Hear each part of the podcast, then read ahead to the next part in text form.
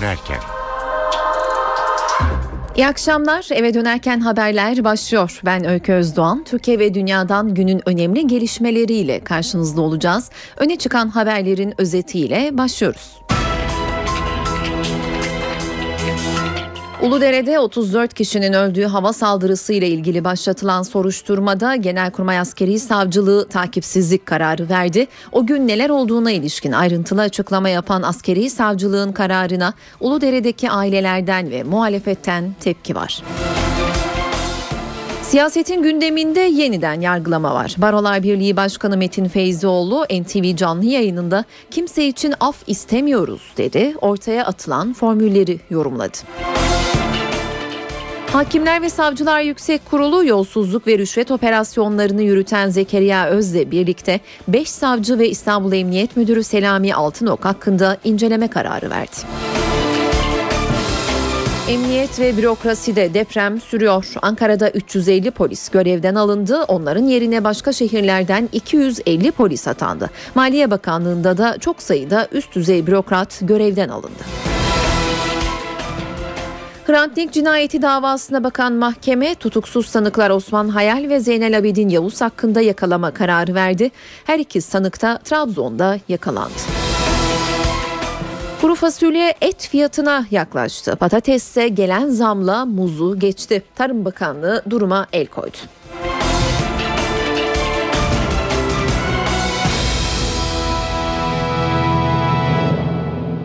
Şırnak Uludere'de 34 kişinin hayatını kaybettiği bombardımanla ilgili Genelkurmay Askeri Savcılığı takipsizlik kararı verdi. Askeri Savcılık personelin Meclis ve Bakanlar Kurulu kararlarıyla kendilerine verilen görevi yerine getirdiklerini kaydetti. Suçlu olmadığını bildirdi. Askeri savcılık, Türk Silahlı Kuvvetleri personeli Meclis ve Bakanlar Kurulu kararları çerçevesinde görevini yaptı dedi. Uludere'de 34 kişinin hayatını kaybettiği olayla ilgili takipsizlik kararı verdi. Kor General Yıldırım Güvenç ve tüm General İlhan Bölüğün arasında bulunduğu 5 şüpheli hakkında kovuşturmaya gerek olmadığı kaydedildi. Gerek şüphelilerin gerekse olayda görev yapan diğer Türk Silahlı Kuvvetleri personelinin Türkiye Büyük Millet Meclisi ve Bakanlar Kurulu kararları çerçevesinde kanunun emrini icra kapsamında kendilerine verilen görev gereklerini yerine getirdikleri, görev gereklerini yerine getirirken kaçınılmaz hataya düştükleri, dolayısıyla eylemleri hakkında kamu davası açılmasını gerektiren sebep bulunmadığı anlaşılmıştır.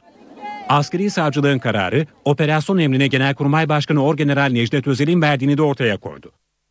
Genelkurmay 2. Başkanı konunun onayını almak maksadıyla Milli Güvenlik Kurulu toplantısı nedeniyle karargahta bulunmayan Genelkurmay Başkanı telefonla aradığı, tespitle ilgili bilgilerin konutundaki ofisine gönderilmesini isteyen Genelkurmay Başkanı'nın hava harekatının yapılmasına saat 20 itibariyle onay verdiği belirlenmiştir.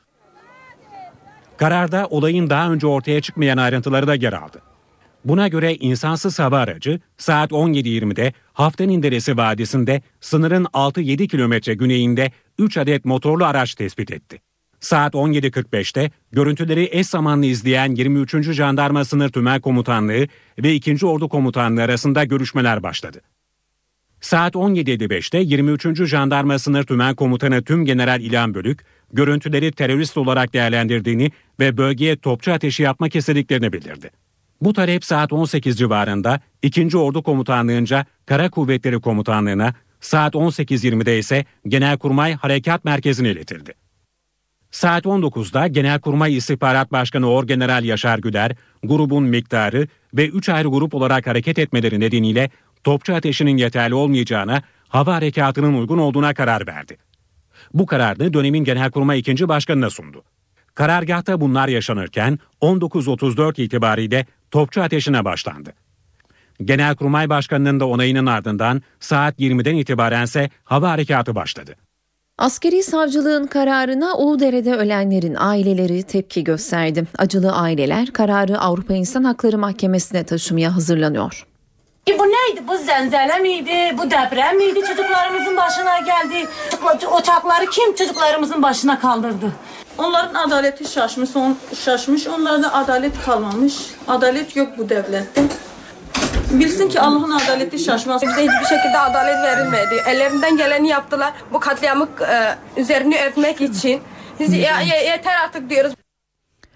Konu muhalefetin de gündemindeydi. HDP eş başkanı Sebahat Tuncel kararı adalet darbe aldı sözleriyle yorumladı. Buradan bir kez daha Halkların Demokratik Partisi olarak Roboski katliamını kınıyor. Bu katliamlığı yapanlardan hesap soracağımızı bir kez daha ifade etmek istiyorum. Sınır ötesi tezkereyi kullanarak kendi yurttaşlarının üzerine bomba yağdırmıştır. 34 can yaşamını yitirmiştir. İki yıldır bu aileler adalet arayışındadırlar. Başbakanla da görüşerek adalet arayışı içerisine girmişlerdir. Devlet e, bugün verilen kararla aslında bu adalet yürüyüşüne bir darbe daha vurulmuştur. Emri kim verdi? Emrin kim verdiği, emri kimin verdiğini biz biliyoruz. Yargılayacak mısınız? Bu kararı nasıl okuyabiliriz? Bir kez daha Roboski'de katliam yapılmadı mı? Roboski katliamını unutmak demek, insanlığımızı unutmak demek. Roboski katliamını unutmak demek, barışı unutmak demek sevgili arkadaşlar. CHP Genel Başkan Yardımcısı Sezgin Tanrıkulu da saldırının üstünün bu kararla örtüldüğünü ifade etti, başbakanı eleştirdi. İki yıllık süre içerisinde sadece bu olayın sorunları örtülmeye çalışıldı. Eğer başbakan bu işte birinci derecede sorumlu olmasaydı failler ortaya çıkardı. Birinci derecede sorumlu Sayın Başbakan'dır. Hem siyasi ve hem hukuki olarak ikinci derecede sorumlu da Genelkurmay Başkanı'dır. Bu kararla birbirlerini aklamışlardır. Kendisini Allah'a havale etmiyorum. Bu toplum vicdanına mahkum olmuştur. 17 Aralık yolsuzluk ve rüşvet operasyonuyla sonrasındaki gelişmeler yüksek yargıda mercek altına alındı. Hakimler ve Savcılar Yüksek Kurulu operasyonu yürüten savcı Zekeriya Özde, savcı Muammer Akkaş'ı usulsüz soruşturma yaptıkları iddiasıyla İstanbul Başsavcısı Turan Çolakkadı ve İl Emniyet Müdürü Selami Altınoğlu ise soruşturmayı engelledikleri iddiasıyla inceleyecek. Ayrıntıları şimdi NTV muhabiri Gökhan Gerçek'ten alacağız. Gökhan süreç nasıl işleyecek? Evet inceleme kararı çıktı ancak öncelikle Adalet Bakanı'nın bu inceleme kararına izin vermesi gerekiyor. Ee, kısa bir gerekçeli karar yazdırıldı. O gerekçeli karar Adalet Bakanı'na gönderildi. Adalet Bakanı suç duyurusunda bulunan isim olduğu için Adalet Bakanlığı müsteşir tarafından e, bu karara yani inceleme kararına itiraz edilebilecek. O itirazın ardından da Hakimler ve Savcılar Yüksek Kurulu bu kararı idare mahkemesine taşıyabilecek. Gökhan teşekkürler. NTV muhabiri Gökhan Gerçek telefon hattımızdaydı. Yolsuzluk ve rüşvet operasyonunun ardından emniyetteki deprem sürüyor. Ankara Emniyetinde dün gece 350 polis görevden alındı ve yerlerine başka illerden 250 polis atandı. Böylece bir gecede 600 polisin görev yeri değişmiş oldu. Ankara Emniyet Müdürlüğü'nde 80'i rütbeli 520'si memur toplam 600 polisin görev yeri değiştirildi. Son tayinlerle kaçakçılık, mali şube, terör, asayiş, istihbarat gibi operasyonel birimlerin şube müdürlerinin yanı sıra alt yönetici kadrolarının tamamına yakını değişmiş oldu. 17 Aralık operasyonunun ardından emniyette başlatılan görevden almaların en büyüğü Ankara Emniyetinde yaşandı. Dün gece imzalanan tayinlerle operasyonel birimlerde görev yapan 350 polis görevden alındı. Çoğunluğu Ankara dışından 250 polis de boşalan görevlere getirildi. Böylece bir gecede 600 polisin görev yeri değişmiş oldu. İstanbul'daki operasyonun hemen ardından ilk olarak Ankara Emniyeti Kaçakçılık, Narkotik, Mali Şube, Organize, Siber Suçlarla Mücadele Asayiş Şubelerinin müdürleriyle sorumlu müdür yardımcıları görevden alınmıştı. Dün gerçekleşen ikinci görevden almalarla bu birimlerin alt yönetimlerinde görev yapan 80'i müdür, emniyet amiri düzeyinde 270'i memur, toplam 350 polis görevden alınmış oldu. Görevden alınan en dikkat çekici isim toplumsal olaylardan sorumlu Emniyet Müdür Yardımcısı Mahmut Azmaz oldu. Gezi olayları sırasında ödül de alan Azmaz, Ankara Emniyet Müdürü Kadir Ay'ın altında görev yapan son müdür yardımcısıydı. Maliye Bakanlığı'nda da bugün üst düzey bürokratlar görevden alındı. Maliye Bakanı Mehmet Şimşek'in özel kalem müdürü Abdülhamit Yıldız, Devlet Malzeme Ofisi Genel Müdürü Metin Akdamar, Muhasebat Genel Müdürü Mehmet Sarıtaş'ın da aralarında olduğu bazı daire başkanları görevden alındı. 17 Aralık operasyonun ardından Mali Suçları Araştırma Kurumu Başkan Yardımcısı Faruk Eleyoğlu görevden alınmıştı. Gelir Dairesi Başkanlığında da 10 daire başkanının görev alanı değiştirilmişti. Başbakan Recep Tayyip Erdoğan uzak doğu turunda olduğu için bugün AK Parti meclis grubu toplanmadı. Muhalefet liderleri ise kürsüdeydi ve gündemlerinde yolsuzluk operasyonuyla yeniden yargılama vardı. CHP lideri Kemal Kılıçdaroğlu 17 Aralık sonrasındaki tutumları nedeniyle Cumhurbaşkanı ve Meclis Başkanı'na tepki gösterdi. Başbakan'a 11 maddelik yolsuzlukla mücadele önerisi sundu. Görüşmeler yapılıyor. Hiç itirazım yok. Bir şey istiyorum. Rüşvet ve yolsuzluk konusunda da aynı duyarlılığı bekliyorum ben.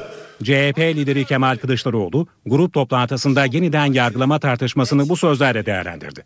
Başbakan Recep Tayyip Erdoğan'ın yargıya talimat verdiğini söyleyen Kılıçdaroğlu, yolsuzluklarla mücadele için 11 öneri sundu. Rüşvet ve yolsuzluklar konusunu dokunulmazlıkların dışına çıkaralım. Gelin hep beraber yapalım. Türkiye'yi yolsuzluklardan arındıralım. Gelir mi? Gelmesi için ar damarının olması lazım. CHP lideri, Başbakanın yargının karşısına dikilir sözleri üzerinden Cumhurbaşkanı Abdullah Gül ve Meclis Başkanı Cemil Çiçek'i hedef aldı. Sayın Cumhurbaşkanı'na soruyorum. Siz de yargının karşısına dikilecek misiniz, dikilmeyecek misiniz? Dikilecekseniz eyvallah. Dikilmeyecekseniz siz kalkıp konuşmak zorundasınız. Yargıya müdahale etmeyin diye. Şimdi Sayın Cemil Çiçek'e sormak isterim. Çöktüğünü söylüyorsun. O çökmede acaba senin payında var mı yok mu? Lafı ortaya atamazsın. E ben bunun dışındayım. Kusura bakma. Baş aktörlerinden birisisin. Baş aktörlerinden birisisin. Çıkıp konuşacaksın. Kılıçdaroğlu, Başbakanlık Dolmabahçe ofisindeki toplantıya katılan gazetecileri de eleştirdi. Birkaç hariç konu mankeni gazeteciler ifadesini kullandı. MHP lideri Devlet Bahçeli yeniden yargılamaya prensipte olumlu baktıklarını ancak bazı endişeleri olduğunu söyledi ve bu konuda Başbakan'a öneri sunan Barolar Birliği Başkanı Metin Feyzioğlu'nu eleştirdi. Bahçeli yolsuzluk soruşturması için de üstü kapatılmaya çalışılıyor iddiasında bulundu.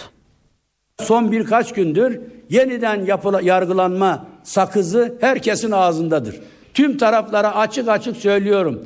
Kumpasçılar hesap vermeden, kumpasın gayesi net olarak ilan edilmeden, TSK üzerinden PKK'ya ve İmralı canisine can simidi uzatılmasını tasvip etmeyiz. Buna karşıda sonuna kadar direlim.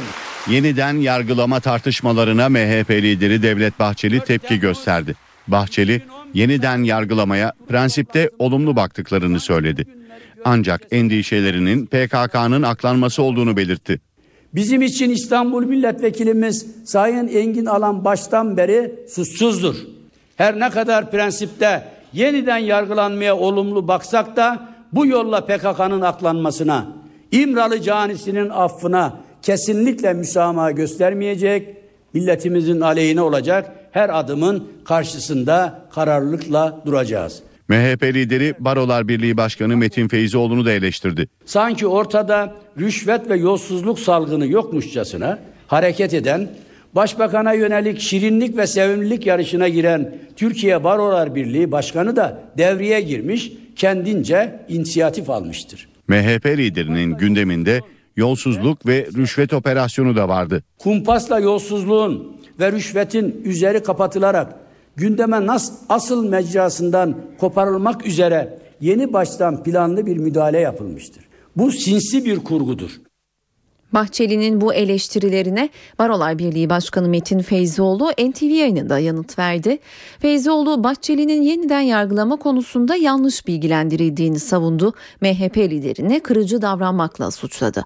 Feyzioğlu yeniden yargılamanın nasıl olacağını Barolar Birliği'nin ne önerdiğini anlattı. Birlik Başkanı kimse için af istemediklerini de söyledi.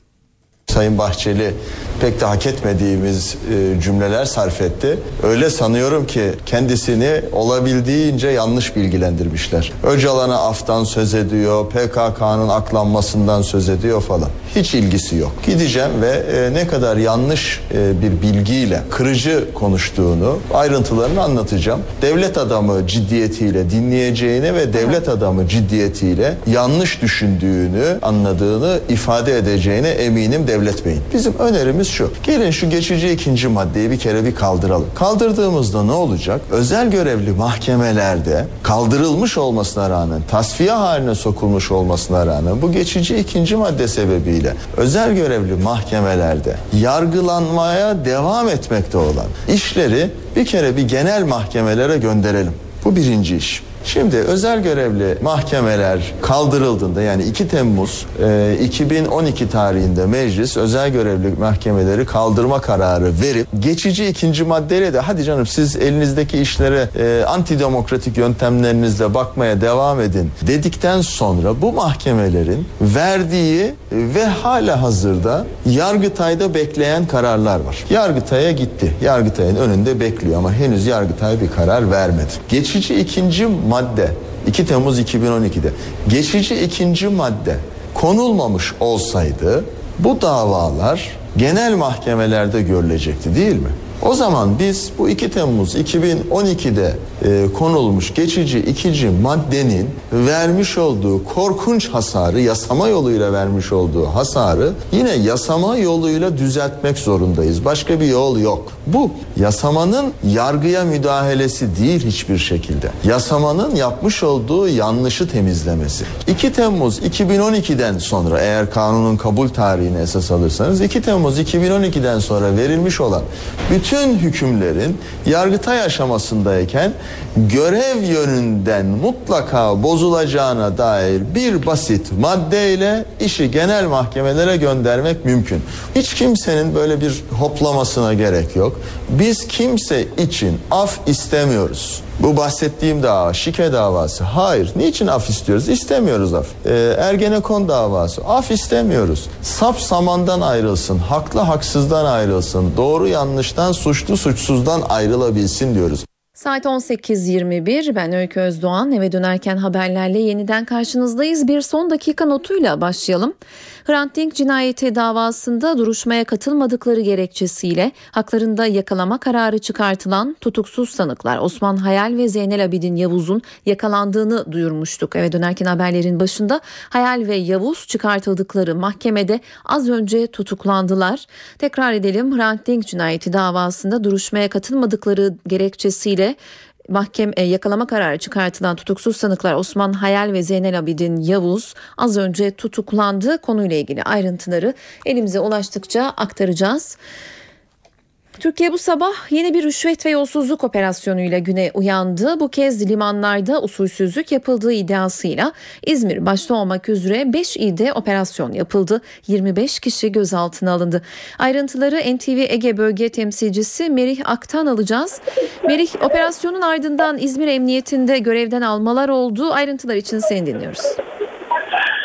Evet İzmir hem sabah olsun hem akşam hareketli saatler yaşadı ama ister istersen ilk önce sabahla başlayalım. Sabah saatlerinde İzmir Kaçakçılık e, ve Organize Suçlar mücadeleyle Mali Suç Şubesi ekipleri Ulaştırma Bakanlığı'na bağlı Türkiye TCD'de liman işletme müdürlüklerine bir operasyon gerçekleştirdi. 5 ilde Ankara, Van, Hatay, İstanbul, İzmir e, eş zamanlı operasyon gerçekleştirildi ve 25 kişi gözaltına alındı. Edindiğimiz bilgilere göre 37 kişi hakkında gözaltı kararı var. 12 kişinin aranmasına devam ediliyor. Peki suçlamalar ne? Rüşvet almak, vermek, ihaleyi fesat karıştırmak, irtikap, görevi kötüye kullanmak, zimmet, doğrudan temin alanlarına fesat karıştırması, nitelikli dolandırıcılık. İşte bu operasyonlar e, kapsamında Ulaştırma Bakanlığı'na bağlı TCD Genel Müdürlüğü'nde görevli bir daire başkanı, bir daire başkan yardımcısı yine İzmir'de e, işletme müdürü ve müdür yardımcıları ile memurların bulunduğu e, 25 kişi gözaltına alındı.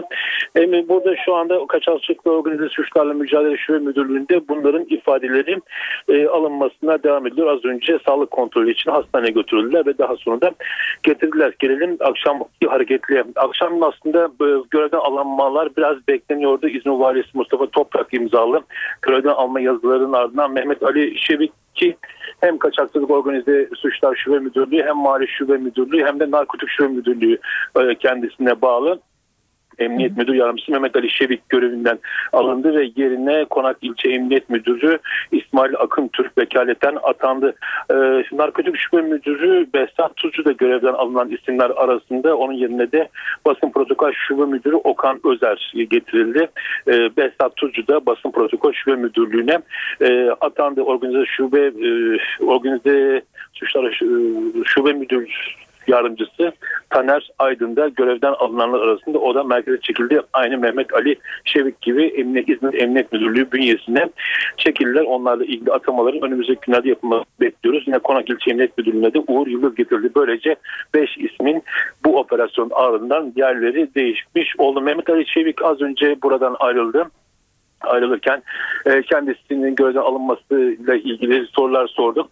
E, neden alındığını bilmediğini söyledi. Biz devlet geleneğinden gelen insanlarız e, ve büyüklerimizin takdiridir, saygı duyuyoruz diye bir açıklama yap, yaptı ve daha sonra buradan ayrıldı. Evet gözaltına alınan kişilerin e, sorguları şu aşamada sürüyor. Yakınları da e, müdürlük bahçesindeki bekleyişleri devam ediyor Öykü. Teşekkürler Merih. NTV Ege Bölge temsilcisi Merih Ak telefon hattımızdaydı.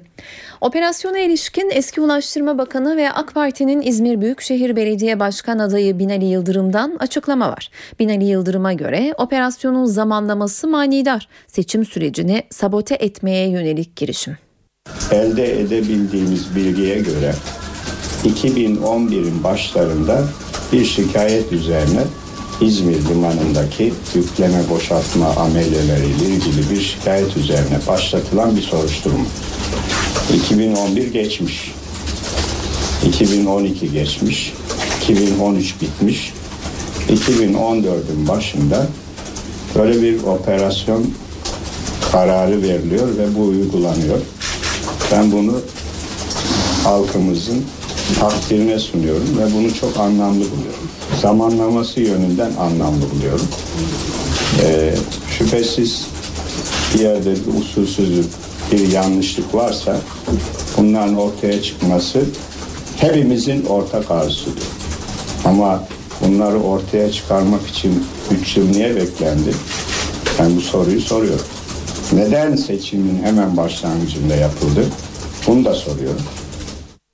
Hrant Dink cinayeti davasında Osman Hayal ve Zeynel Abidin Yavuz için yakalama kararı çıkartıldı demiştik. Her iki, her iki isim de akşam saatlerinde yakalandı ve çıkarıldıkları mahkemece de az önce tutuklandı. Ayrıntıları NTV muhabiri Deniz Tüysüz'den alacağız. Deniz Hrant Dink cinayeti davasındaki gelişmeleri dinleyelim senden. Evet İstanbul 14. Ağır Ceza Mahkemesi'nde bugün dava görüldü, duruşma görüldü. Yargıtay kısmen bozmuştu bu davayı ve yerel mahkemeye geri göndermişti. İşte yerel mahkeme Yargıtay'ın kısmen bozma kararının ardından üçüncü kez duruşma yaptı. E, duruşmada Erhan Tuncel'in e, ifadesi soruldu. Kendisi geçtiğimiz duruşmada uzunca bir savunma yaptığını dile getirdi ve tahliye talebinde bulundu. Avukatı da aynı şekilde müvekkilinin mağdur olduğunu uzun tutukluluk dolayı e, bu sebepten dolayı da tahliye istediğini söyledi. Ancak mahkemece bu tahliye kararı reddedildi Erhan Tuncay'ın ve aynı zamanda sanıklar Osman Hayal sizin de belirttiğiniz gibi Zeynel Abidin Yavuz hakkında yakalama kararı çıkartıldı. Peki neden çıkartıldı bu yakalama kararı? Bu sanıkların Yargıtay'ın bozma ilamına karşı beyanlarının alınması gerekiyor, ifadelerin alınması gerekiyor. İşte bu sebepten mahkeme haklarında yakalama kararı çıkardı. Bugün de her ikisi de e, aldığımız bilgilere göre Trabzon'da e, yakalandılar. Onun haricinde bugün e, Hrant Dink ailesinin avukatlarından Fethiye Çetin söz aldı. Fethiye Çetin e, yaptığı açıklamada bu davanın yeniden yargılanması görülmesi gerektiğini dile getirdi. Ve e, hem Genelkurmay'dan hem de e, MİT MİT müsteşarlığından sorularımız var. Bunları cevaplarını bekliyoruz açıklamasında bulundu Fethiye Çetin ve e, duruşma e, 12 Şubat'a ertelendi. İşte bu sanıkların da ifadeleri alınacak. Ancak e, mahkeme e, a, o tutuklama yakalama kararı çıkardı isimlerin duruşmalarını daha öncesinden de e, alabilir. Yani 12 Şubat'ı mahkeme gününü gününe bırakmayabilir bunu. Çünkü yakalandıkları yerde ifadesinin alınmak üzere mahkemeye getirilmesine diye bir karar çıkardı bugün e, İstanbul 14. Ağır Ceza Mahkemesi. Peki teşekkürler Deniz. NTV muhabiri Deniz Tüysüz telefon hattımızdaydı. NTV Radyo KCK davasından tutuklu bir bağımsız ve 4 BDP'li milletvekili geçen hafta serbest bırakılmıştı. Bugün meclise geldiler ve genel kurulda yemin ederek resmen milletvekili oldular. Parlamento günlüğü için Ankara'ya bağlanıyoruz şimdi. Mikrofonu NTV muhabiri Miray Aktağolu'ca bırakacağız. Miray elinde bir son dakika gelişmesi var. BDP ve HDP heyeti İçişleri Bakanı Efkan Ala ile bir araya geldi. Bu buluşmayı nasıl yorumlamak gerekiyor? Önce bundan başlayalım istersen. Bu buluşma aslında daha önceden beklenen bir buluşmaydı. Geçen hafta Meclis Başkanı Cemil Çiçek'le ve Adalet Bakanı Bekir Bozdağ ile bir araya gelmişti. BDP Grup Başkan Vekilleri ve o gün böyle bir görüşme gerçekleştireceklerini ifade etmişlerdi.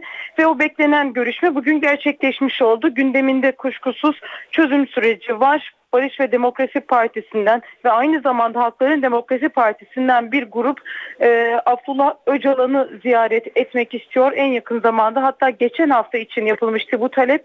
E, buna ilişkin e, bir görüşme olduğunu tahmin ediyoruz e, ve bu görüşmede de çözüm süreci gündeme geldi gibi görülüyor.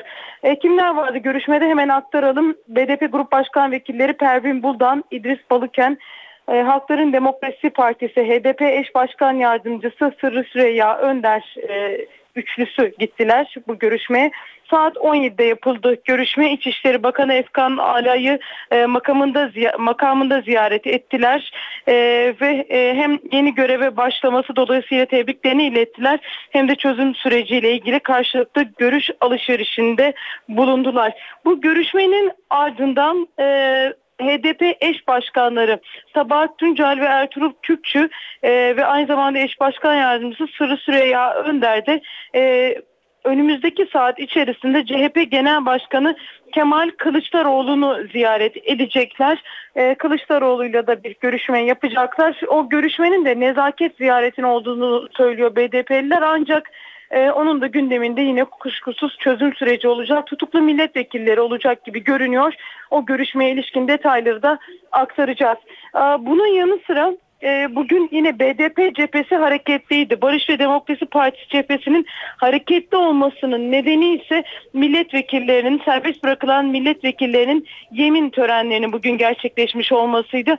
Selma Irmak, Faysal Sarı Yıldız, Gürser Yıldırım, İbrahim Ayhan ve Bağımsız Van Milletvekili Kemal Aktaş iki buçuk yıl sonra yemin ederek resmen yasama faaliyetlerine başladılar bugün ve e, onların yemininin ardından hem AK Parti hem de CHP sıralarından çok sayıda isim yanlarına giderek kendilerini tebrik etti.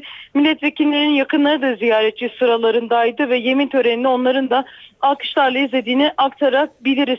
Resmen görevlerine başlamış oldular ve bu 5 milletvekilinin göreve başlamasının ardından Engin Alan, Milliyetçi Hareket Partisi milletvekili Engin Alan dışında tutuklu milletvekili kalmadı. Ancak bununla ilgili de dün e, resmen mecliste başlamış bir girişim var. Bir komisyon kuruldu ve bir anayasa değişikliğine gidilmesi söz konusu. Önümüzdeki hafta bununla ilgili e, adım atılabileceği belirtiliyor. Eğer böyle bir değişiklik gerçekleşirse Sabahat Tuncel'in e, yargılanmasının yasama yılı sonuna kalması ve Engin Alan'ın serbest bırakılması da gündeme gelebilir. Böyle gibi görünüyor en azından. Ee, dediğimiz gibi bu 5 milletvekili de görevlerine bugün başladı ve bugün e, Türkiye Büyük Millet Meclisi açısından e, BDP cephesi ve HDP cephesi hareketliydi. İşte o cepheden notlar da özetle bu şekildeydi. Teşekkürler Miray. NTV muhabiri İmre Aktağuluç parlamento günlüğüyle bizimleydi. Yeni demokratikleşme paketi Perşembe günü Meclis Anayasa Komisyonu'nda görüşülecek. Farklı dil ve lehçelerde propaganda imkanı tanıyan, özel okullarda ana dilde eğitim hakkı yolu açan, açık alanlardaki gösterilerin gece yarısına kadar sürmesine izin veren demokratikleşme paketinin ayrıntılarına bakalım. Siyasi partiler Türkçe dışındaki dillerde propaganda yapabilecek. Eş genel başkanlık uygulanabilecek. Şapka kanununa muhalefete ceza kaldırılacak. Genel seçimlerde %3'ten fazla oy alan partilere hazine yardımı yapılacak. Meclise sevk edilen demokratikleşme paketi Perşembe günü Anayasa Komisyonu'nda görüşülecek. Pakete göre zimmet, rüşvet, hırsızlık, kaçakçılık, devlet sırlarını ifşa gibi yüz kızartıcı suçlardan mahkum olanların siyasi partilere üye olmasını yasaklayan hüküm kaldırılıyor. Kıyafet kısıtlamasına yönelik bir adım daha atılarak şapka kanununa muhalefete verilen 2 yıla kadar hapis cezasının yürürlükten kaldırılması öngörülüyor. İl ve ilçelerde gece saat 24'e kadar toplantı ve gösteri yürüyüşü düzenlenmesinin önü açılıyor. Özel öğretim kurumlarında farklı dil ve lehçelerde eğitim öğretim yapılabiliyor.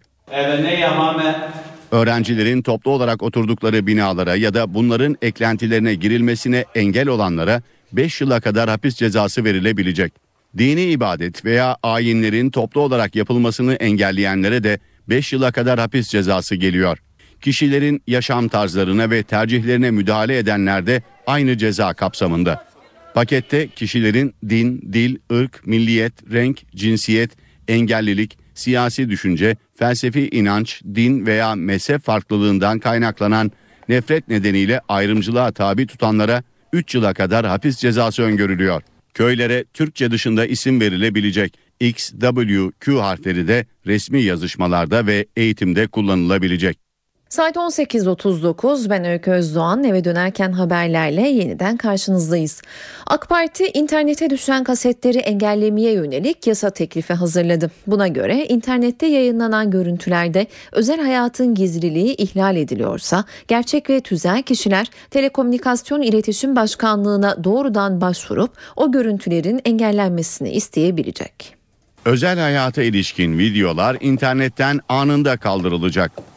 AK Parti milletvekilleri Meclis Plan ve Bütçe Komisyonu'nda görüşülen internet düzenlemesiyle ilgili torba yasa tasarısının genişletilmiş halini meclise sundu. Teklife göre özel hayatının gizliliği ihlal edilen gerçek ve tüzel kişilerle kurum ve kuruluşlar Telekomünikasyon İletişim Başkanlığı'na doğrudan başvurarak içeriye erişimin engellenmesini isteyebilecek.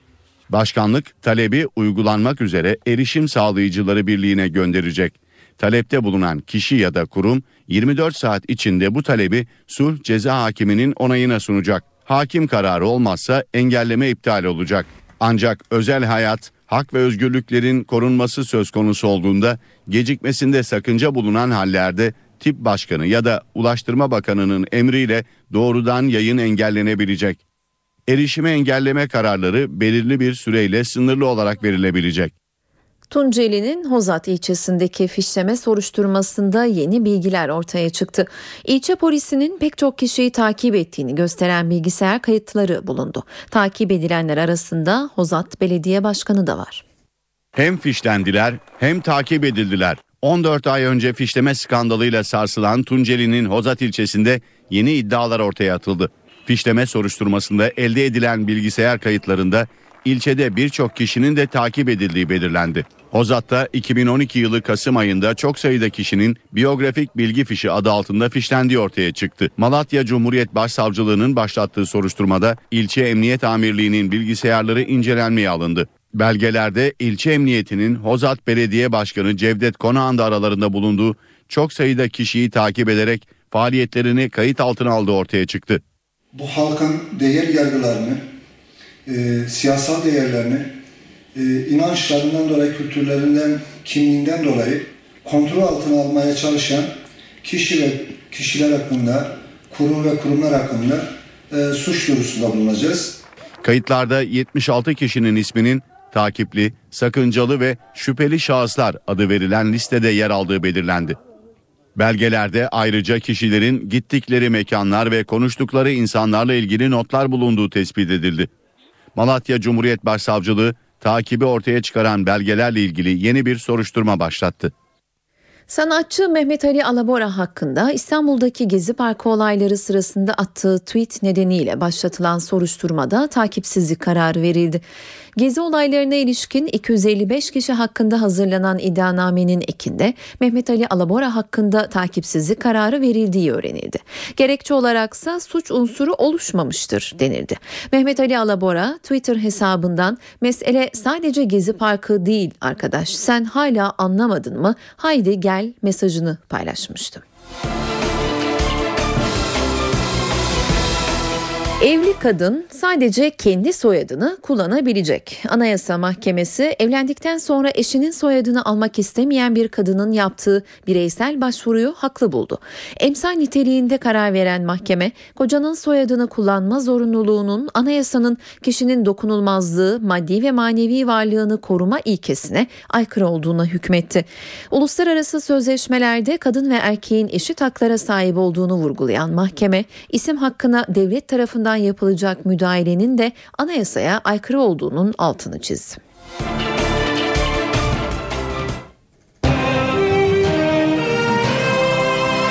NTV Radyo Kuru fasulyenin fiyatı ete yaklaştı. Patatesin fiyatı ise muzu geçti. Sofradaki yangına hükümet müdahale etti. Fiyatların normal düzeye inmesi için çalışmalar başladı. Gıda Tarım ve Hayvancılık Bakanlığı kuru fasulye fiyatlarındaki artışın nedenlerini araştırdı. Sonuç Çin ve Hindistan'daki kuru fasulye üretiminin ciddi ölçüde azalması çıktı. Türkiye'de son 3 yıldır üretim aynı miktarda devam etti. Gıda Tarım ve Hayvancılık Bakanı Mehdi Eker fiyat artışını durdurmak için yeni kararlar alınacağını söyledi. Arkadaşlar e, çalışıyor. Bir e, belki fiyat mesela gümrük oranlarıyla vesaireyle Ekonomi Bakanlığımızla istişare edip bir orada bir düzenlemeye gidebiliriz. Bakan Eker patates fiyatlarındaki artışın ise Türkiye'deki üretimle ilgili olduğunu söyledi. 2013 e, yılındaki üretimimizde 4 milyon ton. Yani bir 700 bin ton yaklaşık e, azalma var. Tarım Bakanı geçen yıl bazı tarım ürünlerinde üretimin rekor kırdığını, bu yıl içinse kuraklık endişesi olduğunu dile getirdi. Henüz bir tarımsal kuraklık söz konusu değil ama endişe taşımıyor muyuz? Taşıyoruz. Onu söyleyeyim. Döviz kurundaki hareketlilik devam ederse doğalgaz fiyatları kabaracak. Çevre ve Şehircilik Bakanlığı binlerce konutta araştırma yaptı. Doğalgaz faturasını düşürmenin yolunu buldu. İşte ayrıntıları. Bir daire sakini 100 liralık fatura verirken ısı pay ölçer yaptırdıktan sonra ortalamaya bakıldığında 73 liralık fatura ödemeye başlıyor. Doğalgazda yurt dışına bağımlıyız. Bu yüzden daha fazla doğalgaz tüketmek hem ülke ekonomisine hem de bütçemize zarar. Merkezi sistemde ısınan binalarda daha az doğalgaz faturası ödemenin en önemli yoluysa mecburi hale gelen ısı ölçüm cihazları. Cihaz kullandığın kadar öde anlamına geliyor. Peki nasıl çalışıyor? Maliyeti nedir? Şimdi bu soruların yanıtlarını öğreneceğiz. Çevre ve Şehircilik Bakanlığı araştırdı. Merkezi sistemle ısınan 11 bin konutta kıyaslama yapıldı. Isı ölçüm cihazı kullananların %27 daha az fatura ödediği görüldü. Sistemin maliyetine bakıldığında ortalama 6 petekli bir dairede 600 liralık bir maliyet söz konusu. Termostatik vana istenilen oda sıcaklığını sabitlemeye yarayan bir cihaz. Daire sakini odasının derecesini istediği derecede sabitliyor. Tüketimi ölçen, ölçümleyen ısı pay ölçer cihazı bir nevi taksimetre. Bu taksimetre peteğin odaya ne kadar ısı geçirdiğini hesaplıyor ve buna göre de dairenin tüketimini ölçümlüyor. Bir tasarruf sağladı mı? Bana göre çok sağladı. Daha önce başkasının yaktığını da biz ödüyorduk. Şimdi kendi yaktığımızı kendimiz ödüyoruz. Ortalama önceden 300 lira gelen fatura e, şimdi 150 lira, 170 lira aslında değişen fiyatlarla geliyor. Eski konutlarda tüketilen doğalgaz kadar fatura ödenmesi 2012'de mecburi hale geldi. Ama 2 milyon konuttan 250 bini bu şekilde fatura ödüyor. Cezai bir yaptırımsa yok. 2050 yılında dünya ekonomisinde dengeler alt üst olacak. Dünya Bankası'nın tahminlerine göre bugünün gelişmiş bazı ülkeleri 2050'de en büyük 20 ülke arasına giremeyecek. Filipinler, Pakistan, Mısır ve Nijerya gibi ülkeler yükselen yıldız olurken bugün dünyanın en büyük 17. ekonomisi olan Türkiye'de 2050'de 14. sıraya yükselecek. 2050'de dünya ekonomisinin dengeleri ciddi anlamda değişebilir. Dünya Bankası ve Goldman Sachs'ın tahminlerine göre Avustralya, İspanya, Güney Kore, Hollanda, Suudi Arabistan ve İsviçre en büyük 20 ekonomi içinde yer alamayacak. Bu ülkelerin yerine listeye Filipinler, İran, Pakistan, Mısır ve Nijerya girecek. Dünya Bankası'nın projeksiyonuna göre Çin ABD'yi geride bırakarak dünyanın en büyük ekonomisi ünvanını kazanacak. Liderlikteki değişikliğin ise oldukça sert gerçekleşmesi bekleniyor. Çalışmaya göre Çin'in ekonomik büyüklüğü 8 trilyon dolardan 52 trilyon dolara çıkarak neredeyse ABD'nin iki katı olacak.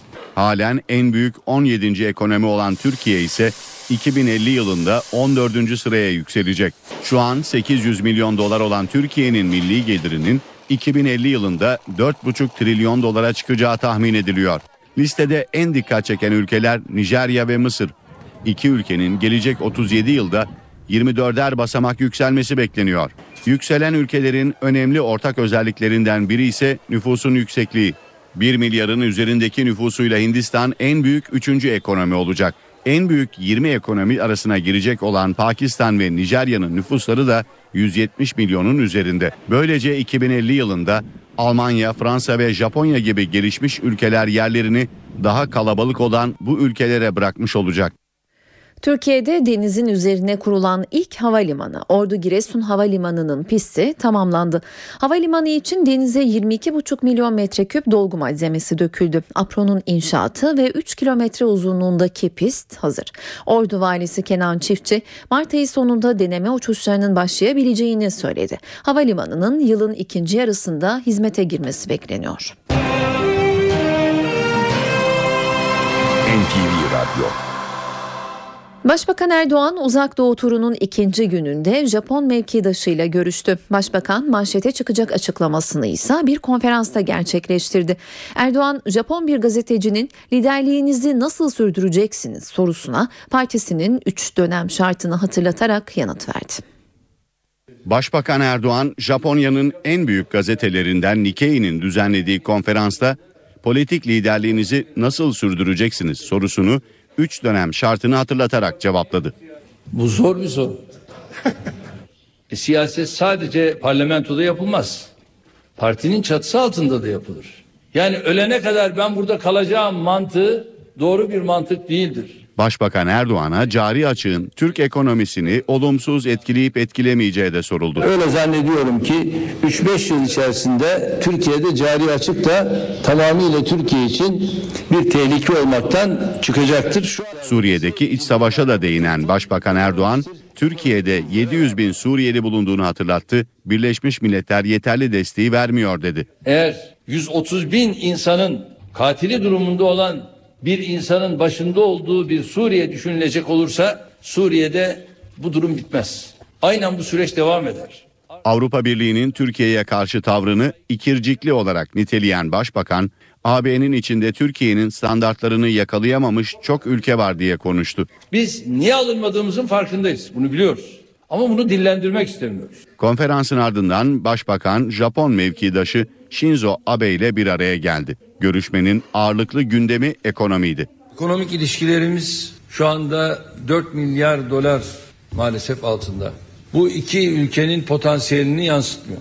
Sayın Abe ile görüşmelerimizde büyük önem atfettiğimiz ekonomik ortaklık anlaşmasının diğer adıyla serbest ticaret anlaşması müzakerelerinin bu yıl içinde başlatılmasını kararlaştırdık.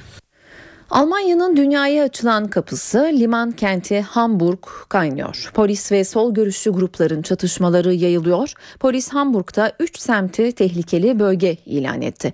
Hamburg'da neler oluyor? Deutsche Welle Türkçe servisinden Beklen Kulaksızoğlu aktaracak. Beklen çatışma nasıl başladı ve son durum nedir? Evet Hamburg yeni yıla kaos ortamında girdi. Şu an tehlikeli bölge ilan edilen 3 semtte kontroller sürüyor. Her şey 21 Aralık'ta başladı. Rote Flora adlı solcuların toplandığı bir kültür merkezinin kapatılmasını protesto için sol görüşlü göstericiler sokağa dökülmüştü ve polisle çıkan çatışmalarda sol örgütlerin verilerine göre 500 gösterici yaralandı. Polis tarafında ise 170 yaralı var. Aslında bu kültür merkezi 20 yılı aşkın bir süredir işgal altındaydı ve mülk sahibinin şikayeti üzerine boşaltılmıştı. E, polis göstericilerin daha başından şiddete hazır olduğunu ve polis memurlarına kasıtlı olarak saldırıldığını savunuyor. Diğer yanda sol örgütler ise polisi cop, biber gazı ve tazikli suyla orantısız güç kullanmak ve daha başından gösteriyi engellemeye çalışmakla suçluyorlar. Ancak olaylar bu gösteriyle bitmedi. Polis verilerine göre bu gösteriden tam bir hafta sonra 28 Aralık'ta maskeli 40 kişilik bir grup Reeperbahn semtindeki polis karakoluna saldırdı ve 3 polis memuru ağır yaralandı. Ve bu olayın ardından da 3 semt tehlikeli bölge ilan edildi. Peki bu ne anlama geliyor? Polis cumartesi gününden bu yana istediği zaman giriş çıkışları kontrol edip neden göstermeden arama yapabiliyor. Nitekim geçen hafta sonunun bilançosu söz konusu semtlerde 400'e yakın kişinin üzeri arandı. 45 kişi gözaltına alındı. Aramalarda sopa gibi vurucu aletler, e, siyah maske ve piroteknik fişekleri ele geçirildiği belirtiliyor. Tabi bu tehlikeli bölge ilanı siyasette de yoğun tartışmalara neden oldu. Hamburg'daki Sosyal Demokrat Parti hükümeti ve ana muhalefetteki Hristiyan Birlik polisin bu geçici önlemini geçici olması kaydıyla yerinde e, bulduğunu açıkladı. Liberaller ve Yeşiller ise orantılılığın incelenmesine talep ediyor. E, Sol Parti ise uygulamayı yargıya taşıyacağını duyurdu. Bu konular e, bu konuda adım atmayı düşünüyor Sol Parti. E, bu bölgelerin ne kadar süre tehlikeli bölge kalacağının gelişmelere bağlı olduğu belirtiliyor. Polis sözcüsü bir açıklama yaptı. Kontrollerin sürdüğünü ve her gün durum değerlendirmesi yapıldığını bildirdi. Son durumsa dün gece sakin geçti. Bugün de henüz bir olay yaşanmadı. Hamburg'da ortalık durulmuş görünüyor şu an itibariyle. Saat 19 ben Öykü Özdoğan eve dönerken haberlerin bu bölümüne günün öne çıkan gelişmelerinin özetiyle başlıyoruz. Hrant Dink cinayeti davasında tutuklu sayısı 5'e yükseldi. Bugün görülen duruşmada haklarında yakalama kararı çıkarılan Osman Hayal ile Zeynel Abidin Yavuz gözaltına alındı. İki isim daha sonra çıkarıldıkları mahkemece tutuklandı. Uludere'de 34 kişinin öldüğü hava saldırısı ile ilgili başlatılan soruşturmada Genelkurmay Askeri Savcılığı takipsizlik kararı verdi. O gün neler olduğuna ilişkin ayrıntılı açıklama yapan Askeri Savcılığın kararına Uludere'deki ailelerden ve muhalefetten tepki var. Hakimler ve Savcılar Yüksek Kurulu yolsuzluk ve rüşvet operasyonlarını yürüten Zekeriya Öz'le birlikte 5 savcı ve İstanbul Emniyet Müdürü Selami Altınok hakkında inceleme kararı verdi. Emniyet ve bürokraside deprem sürüyor. Ankara'da 350 polis görevden alındı. Onların yerine başka şehirlerden 250 polis atandı. Maliye Bakanlığı'nda da çok sayıda üst düzey bürokrat görevden alındı.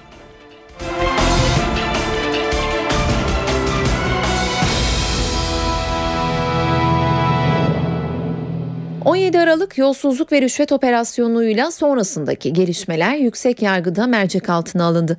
Hakimler ve Savcılar Yüksek Kurulu operasyonu yürüten savcı Zekeriya Özde, savcı Muammer Akkaş'ı usulsüz soruşturma yaptıkları iddiasıyla İstanbul Başsavcısı Turan Çolakkadı ve İl Emniyet Müdürü Selami Altınoğlu ise soruşturmayı engelledikleri iddiasıyla inceleyecek.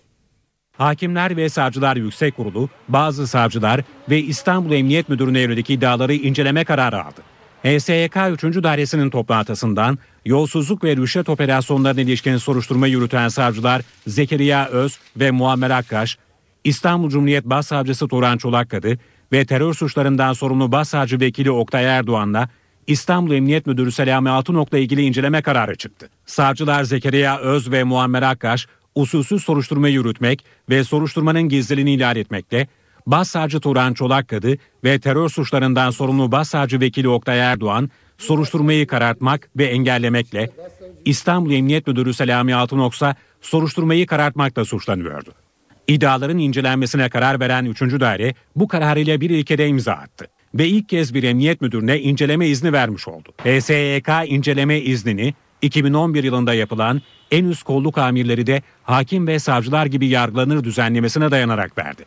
HSYK'nın görevlendireceği müfettişler iddiaları inceleyip rapor hazırlayacak ve suçlanan isimlerin ifadelerini alacak. İncelemede suç şüphesi tespit edilirse bu isimler hakkında soruşturma başlatılacak. Ayrıca Yüksek Kurulun birinci dairesinin soruşturmanın selameti açısından bu isimlere görevden el çektirme yetkisi de bulunuyor. Yolsuzluk ve rüşvet soruşturmasını yürüten savcılardan Zekeriya Öz son günlerde yaptığı Dubai tatiliyle gündemde. Öz az önce bir açıklama yaptı ve Dubai tatil masraflarının iş adamı Ali Ağoğlu tarafından karşılandığı iddialarını yalanladı. Faturaların elinde olduğunu söyledi. Savcı Öz gazetede yer alan faturalar benim seyahat tarihimden başka bir döneme ait dedi. Savcı Öz ayrıntılı açıklama için Hakimler ve Savcılar Yüksek Kurulu'nun iznini beklediğini belirtti. Ağoğlu Şirketler Grubu dün bir yazılı açıklama yaparak Öz'ün Dubai'de şirket temsilcileri tarafından ağırlandığını duyurmuştu. HSYK'nın hakkında inceleme yapacağı isimlerden İstanbul Emniyet Müdürü Selami Altınok'tan da bir açıklama geldi ancak başka bir başlıkla ilgili. 17 Aralık'ta başlayan rüşvet ve yolsuzluk operasyonunun ardından gazetecilerin emniyet müdürlüklerine girişi yeniden düzenlenmişti ve bununla ilgili yargıdan bir karar çıkmıştı. Altınok yasaklama yok, isteyen gazeteci emniyetten bilgi alabilecek ancak basın odaları artık olmayacak dedi. Yasaklama diye bir şey söz konusu değil. O ilk e, Emniyet Genel Müdürü'nün genelgesi de o manada değildi. E, sadece emniyet binalarındaki basın odalarının kal, kaldırılması söz konusu idi ve o kalktı. Emniyete giriş diye yasak diye bir şey söz konusu değil. Müsaade alındığı takdirde, izin alındığı takdirde rahatlıkla bütün basın mensuplarımız e, ilgili birimlerimizden bilgi alabilir, gerekli haberi yapabilirler.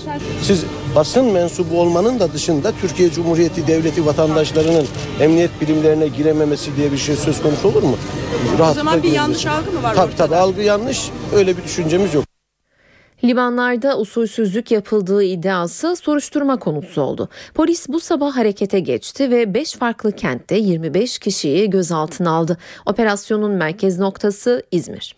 İzmir merkezli operasyonda limanlarda usulsüzlük iddiasıyla 25 kişi gözaltında.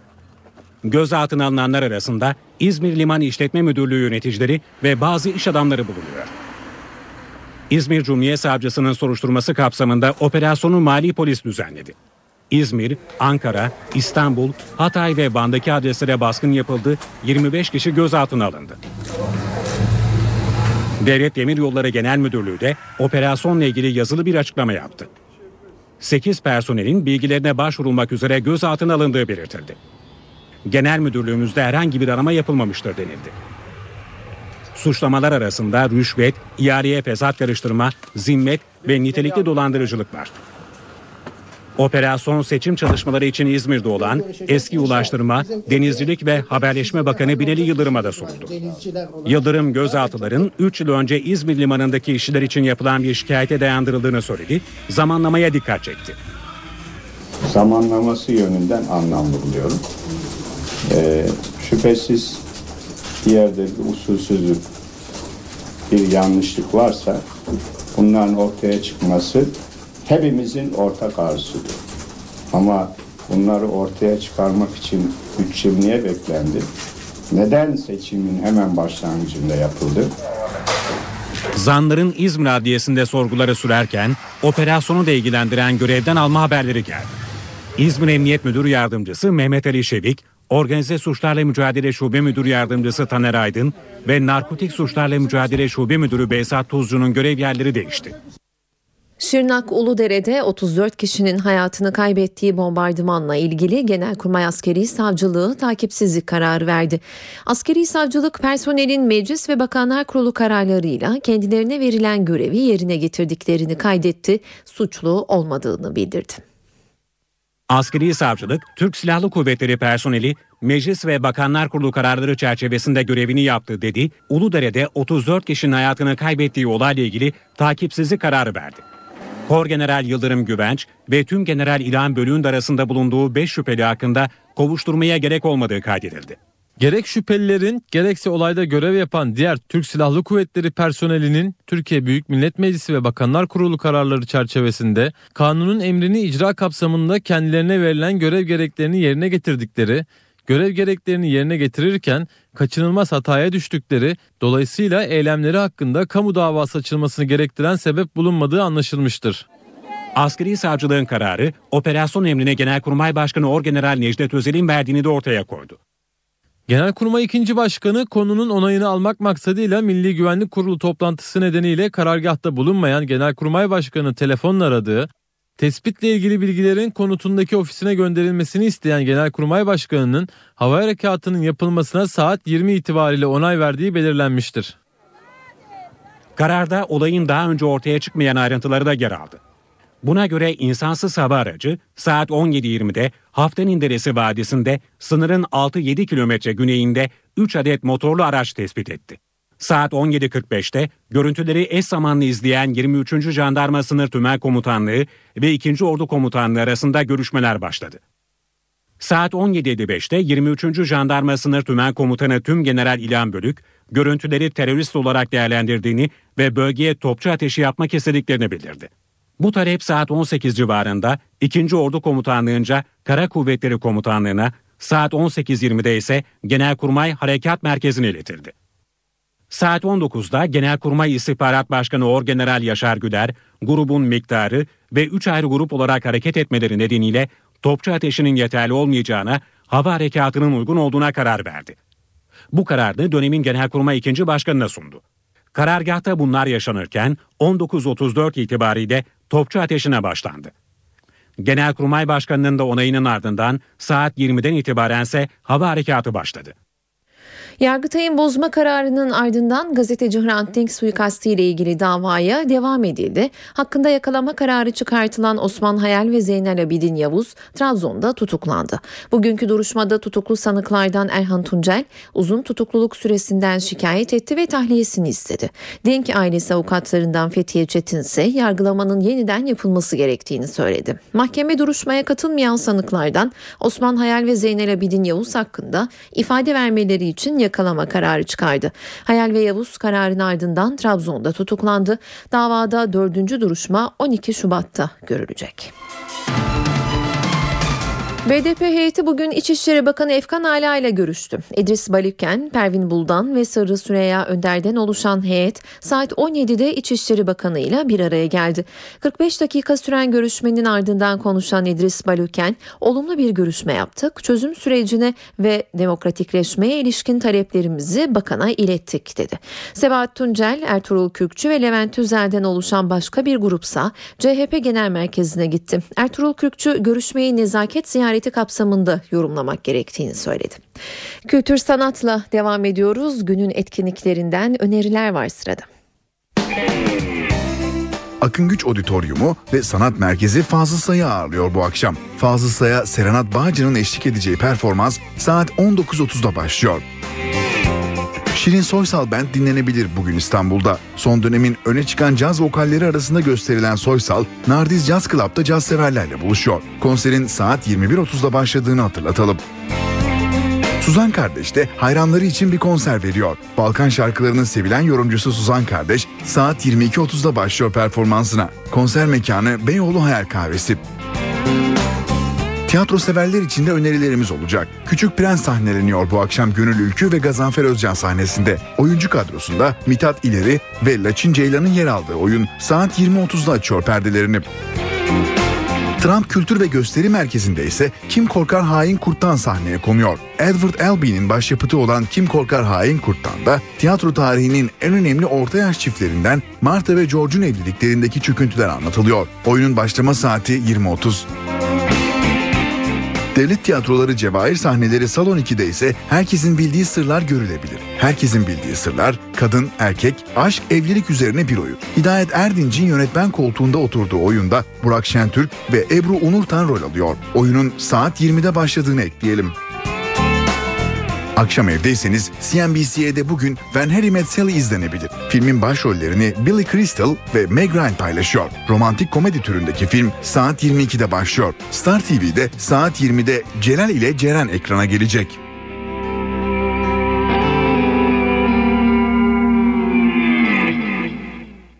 Eve dönerken haberleri spor gündeminden gelişmelerle tamamlıyoruz. Ben Öykü Özdoğan. Yarın akşam aynı saatte karşınızda olacağız. Şimdilik hoşçakalın.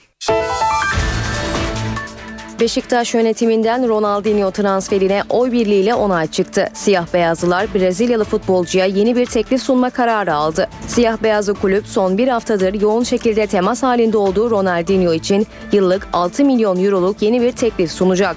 Dün Başkan Fikret Orman'ın da katıldığı yönetim kurulu toplantısında yapılan oylamada siyah beyazlı yöneticiler Brezilyalı yıldız oyuncunun transfer edilmesi kararına vardı. Son olarak yıllık 5 milyon euro ücret vermeyi planlayan Beşiktaş kulübü bu teklifi 6 milyon euroya çıkaracak. Siyah beyazlılar bu bedelin yarısı olan 3 milyon euroyu sponsor aracılığıyla karşılamayı planlıyor.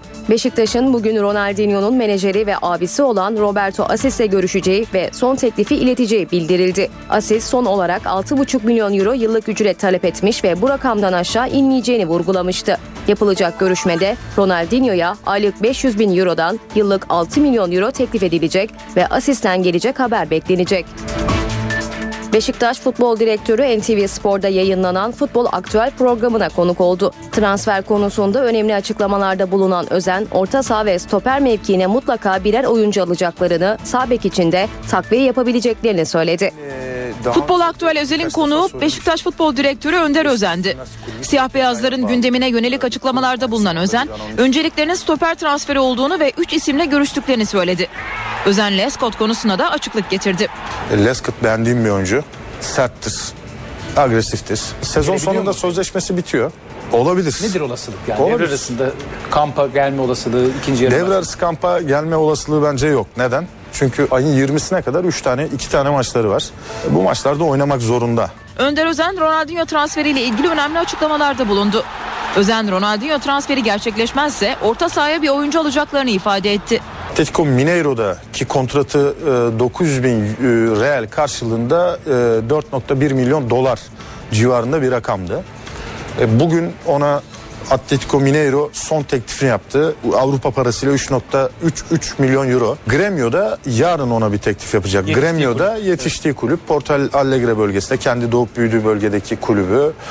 E, Onlar teklif yapacaklar. Onların teklifi de aşağı yukarı bu seviyede olacak. Rakamlar e, biraz belirleyici olacak ve Ronaldinho'nun Dünya Kupası motivasyonu belirleyici olacak. Ee, bizim kulübümüz e, Sayın Ahmet Nur Çebi görüşmeleri yaptı. Bir takım rakamlar e, konuşuldu, telaffuz edildi. Abisi ve menajeri e, ile birlikte. Önümüzdeki günlerde biraz daha e, netlik kazanır ama şu anda menajeri bugün Atletico Mineiro'yu dinledi. Yarın Gremio'yu dinleyecek. Daha sonra şekillenecektir. PSV Eindhoven'da forma giyen Toivone'nin de iyi bir futbolcu olduğunu ve kendisini siyah beyazlı formayla görmek istediğini dile getiren Önder Özen, Roma Motta'nın sezon sonuna kadar Beşiktaş'ta kalacağını söyledi. Önder Özen Gökhan Töre için çalışmalarının devam ettiğini ancak Rubin Kazan'ın çok yüksek bir bonservis bedeli talep ettiğini ifade etti. Beşiktaş Futbol Genel Direktörü Önder Özen Galatasaray maçında yaşananlara hala anlam veremediğini belirtti. Özen Kasımpaşa maçında Fernandez'in neden oyuna devam ettiğine de açıklık getirdi. Beşiktaş Futbol Genel Direktörü Önder Özen futbol aktör Ezel'de siyah beyazlı takımın ligdeki durumunu değerlendirdi. Sezona 4'te 4 yaparak çok iyi başladıklarını ve rakiplerine pozisyon bile vermediklerini dile getiren Özen Galatasaray maçında yaşananlara hala anlam veremediğini kaydetti. Galatasaray'ın hakkını Galatasaray'a veriyoruz. Drogba büyük fark yarattı. Galatasaray'ın final oynama becerisi olan oyuncuları fark yar- yarattılar. Drogba başta olmak üzere Selçuk Melo bunlar fark Mustera bunlar fark yarattılar. Galatasaray'ın 3 puanı alnının teridir. Tabii iyi oynadı Onu teslim edelim. Ama 110 yıldır oynuyoruz. İlk defa kaybetmiyoruz Galatasaray'a. Beşiktaş seyircisi Galatasaray'a kaybetti diye oraya girmez. Kasımpaşa maçında ciddi bir kural hatası yapıldığını savunan Önder Özen, Fernandez'in neden oyuna devam ettiğini açıkladı. Biz daha önce bir hükmen mağlubiyet aldık. İkincisini alsak küme düşüyoruz biliyorsunuz değil mi? Bizim elimizdeki talimatname öyle söylüyor e, baktığımızda. Öyle söylüyor. Orada takım sağdan çekmek o kadar kolay değildir. Futbolcunun can güvenliğinden söz edebilir miyiz? Peki şunu söyleyeyim. Neden kimse gelmedi oraya? Güvenlik görevlileri neredeydi? Oyuncu e, oyuncuya e, oyuncu saldırıya uğra, uğrayana kadar neredeydi güvenlik görevlisi? Beşiktaş Başkanı Fikret Orman'la Eskişehir Spor Başkanı Mesut Hoşcan İstanbul'da buluşarak Tarık Çamdal transferini masaya yatırdı. Görüşmeden kesin bir anlaşma çıkmazken taraflar umutlu konuştu. Tarık Çamdal için başkanlar zirvesi yapıldı. Beşiktaş Başkanı Fikret Orman'la Eskişehir Spor Başkanı Mesut Hoşcan İstanbul'da bir araya geldiler. Akşam yemeğinde buluşan iki başkan Tarık Çamdal transferi ve Türk futbolunun genel durumu hakkında fikir alışverişinde bulundu. Yemek sonrası açıklama yapan Orman, Tarık transferinin henüz tamamlanmadığını ancak görüşmelerin süreceğini söyledi. Görüş alışverişinde bulunduk. Tekrar konuşacağız. Gayet güzel bir yemek oldu. Böyle sizi bu saatlere kadar bekletecek kadar çok önemli bir şeyimiz yok. İnşallah en kısa zamanda tekrar bir araya geliriz. Eskişehir Spor Başkanı Mesut Hoşcan ise kulüp başkanları olarak öncelikle camiaların çıkarlarını korumak zorunda olduklarını vurguladı.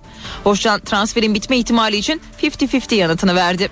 Bizim bitmeyle ilgili acele bir şeyimiz yok. Sa- Fikret Başkan'ın dostumun dediği gibi kulüplerimizin menfaat çerçevesinde ne olacaksa ona bakarız. Gerisi hikayedir, boştur. Ee, ama Türk futbolu için gerekli ne varsa bunları muhakkak yapacağız merak etmeyin. İyi akşamlar. Bu transferin yani yüzde olarak olma ihtimali. Bekledik hani. 50-50.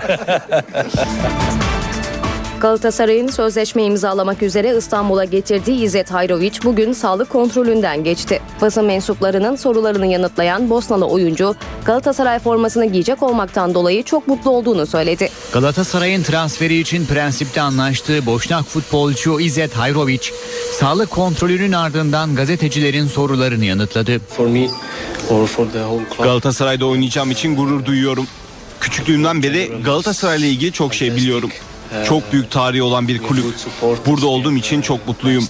Çok iyi bir stadımız ve tesislerimiz var. Ayrıca takım için deli olan taraftarlara sahibiz. Birkaç Türkçe kelimeyi bildiğini belirten Hayroviç, Türkçeyi en yakın zamanda öğrenmek istediğini belirtti. Türkçe kelimeler biliyorum çünkü biz Bosnalılar buna alışığız. Müslüman olduğum için bu ülkede oynayacak olmak da ayrıca rahatlatıcı. Öte yandan Hayroviç ile 5 yıllık sözleşme imzalayacak olan Galatasaray, Grasshoppers'a 3,5 milyon euro bonservis bedeli ödeyecek. Boşnak oyuncuysa yıllık 1 milyon 100 bin euro alacak. İtalyan milli takımının tecrübeli futbolcularından Antonio Di Natale sezon sonu itibariyle futbol hayatına nokta koyacağını açıkladı. 2004'ten bu yana Udinese forması giyen 36 yaşındaki oyuncu futbolu bırakma kararı aldı. Siyah beyazlı ekipte oynadığı 359 karşılaşmada 182 gole imza atan Di Natale, İtalya milli takımında da 42 kez forma giymişti. 2010 ve 2011 yıllarında üst üste iki sezon Serie A'nın gol kralı olan Di Natale, futboldan kopma kararından geri adım atmasının söz konusu olmadığını vurguladı.